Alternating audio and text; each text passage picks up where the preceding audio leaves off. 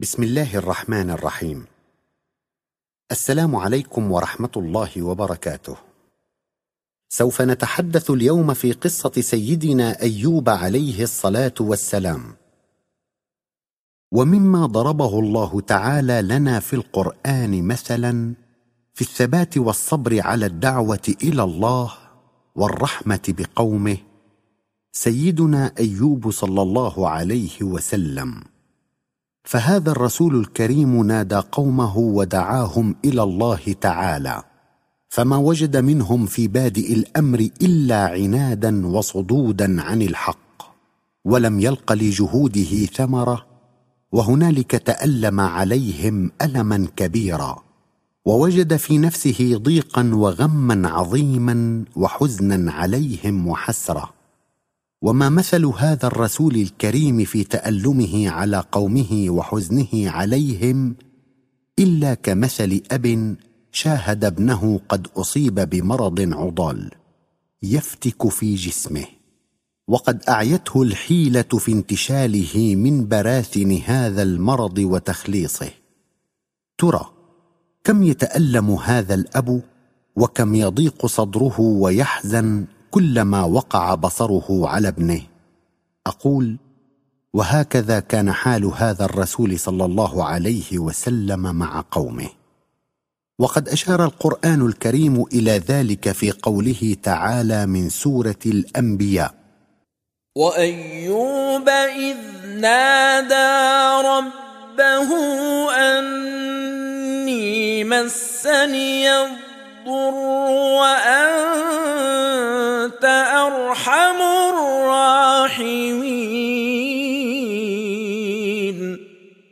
ويكون ما نفهمه من هذه الآية الكريمة أي واذكر عبدنا أيوب في رحمته بقومه وتألمه عليهم ازاء ما لقيه منهم من المعارضة الشديدة إذ نادى ربه أني مسني الضر.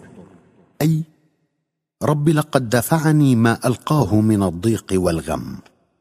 وحملني ما أجده في نفسي من الحزن والحسرة على قومي على أن أدعوك طالبا منك أن تكشف عني هذا الضر. أي هذا الضيق بأن تهدي هؤلاء. وأنت أرحم الراحمين. فارحمني يا رب بهدايتهم إذ في ذلك خلاص نفسي وشفاؤها مما بها من العذاب النفسي والتألم. وقد استجاب الله تعالى دعاء رسوله وآن لقومه أن يهتدوا به. وإلى ذلك تشير الآية الكريمة في قوله تعالى من سورة الأنبياء. فاستجبنا له فكشفنا ما به من ضر. وآتيناه أهله ومثلهم معهم رحمة رحمة من عندنا وذكرى للعابدين. ويكون ما نفهمه من كلمة فكشفنا ما به من ضر أي فرجنا عنه ذلك الضيق الذي ألم به. فآمن قومه وآمن آخرون من غيرهم بقدرهم. رحمة من عندنا. أي رحمة بهذا الرسول وبقومه. وذكرى للعابدين. أي تذكرة لمن كان طائعا لله قائما بهداية العباد إلى الخالق. ليعلموا أنه مهما حصل لهم من المعارضة والضيق فلا بد أن يفرج الله عنهم ويجعل الخير على أيديهم والعاقبة للمتقين.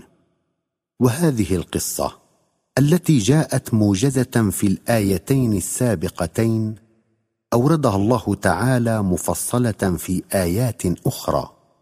وبين لنا الطريقة التي أمر تعالى هذا الرسول صلى الله عليه وسلم بسلوكها ليتوصل إلى هداية قومه. فقال تعالى في سورة صاد واذكر عبدنا أيوب إذ نادى ربه أني مسني الشيطان بنصب وعذاب. والمراد بكلمة مسني الشيطان أي أصابني منه بسبب ما يوسوس به في نفوس قومي بنصب أي عناء وتعب فلا ألبث أن أقيم لهم البراهين والحجج حتى يوافيهم بوساوسه ويثير الشبهات حول ما كنت بينته لهم.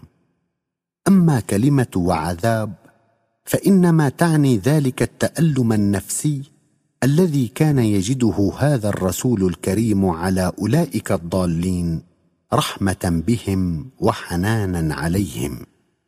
ولما دعا هذا الرسول ربه استجاب الله تعالى دعاءه وأمره بالهجرة من بلده إلى بلد آخر. فقال تعالى أركض برجلك هذا مغتسل بارد وشراب. أي اخرج من بلدك الذي أنت فيه والذي لاقيت ما لاقيت فيه من الضيق المعنوي بسبب المعارضات إلى بلد آخر فيه مغتسل بارد وشراب. وقد جعل الله تعالى من هجرة هذا الرسول الكريم سببا لهداية قومه ومثلهم معهم. وإلى ذلك تشير الآية الكريمة في قوله تعالى ووهبنا له اهله ومثلهم معهم رحمه منا وذكرى وذكرى لأولي الألباب. وقد أراد تعالى أن يفصل لنا كيفية اهتداء هؤلاء القوم. فقال تعالى وخذ بيدك ضغثا فاضرب به ولا تحنث.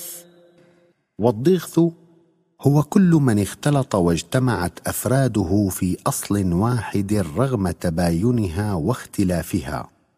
وهو أيضا كل مجموع مقبوض عليه بجمع الكف. والضغث هنا تعني الجماعة المختلطة من أصحاب ذلك الرسول الذين هاجروا معه من قريته والذين آمنوا به من ذلك البلد الذي هاجر إليه إشارة إلى اجتماع قلوبهم على الله رغم اختلاف مساكنهم وأنسابهم. وقد أمر الله تعالى هذا الرسول بأن يأخذ هذه الجماعة المختلطة من المؤمنين وأن يجعل قيادتهم بيده فيضرب بهم أولئك المعاندين وذلك ما أشارت إليه كلمة فاضرب به. ثم إن الله تعالى أمر هذا الرسول صلى الله عليه وسلم بأن يكون رابط الجأش في الحرب. ثابتا عند لقاء أولئك المعاندين غير متراجع عن المضي في دعوته. وإلى ذلك تشير الآية الكريمة في قوله تعالى ولا تحنث أي ولا تتراجع عن المضي في دعوتك وكن صابرا عند لقاء عدوك ثم بين لنا تعالى أن صبر هذا الرسول الكريم هو الذي جر له ذلك الخير العميم. فقال تعالى في سورة صاد انا وجدناه صابرا. أي بصبره تفضلنا عليه بما تفضلنا به وجعلنا هداية قومه على يديه. نعم العبد إنه أواب. نعم العبد أي جاءته النعمة منا وأكرمناه بما أكرمناه به لأنه أواب. أي راجع إلينا في جميع أموره. وأنت ترى من خلال هذه القصة مبلغ رحمة هذا الرسول بقومه وشدة تأثره عليهم كما ترى عظيم صبره وثباته في دعوته إلى ربه. والحمد لله رب العالمين.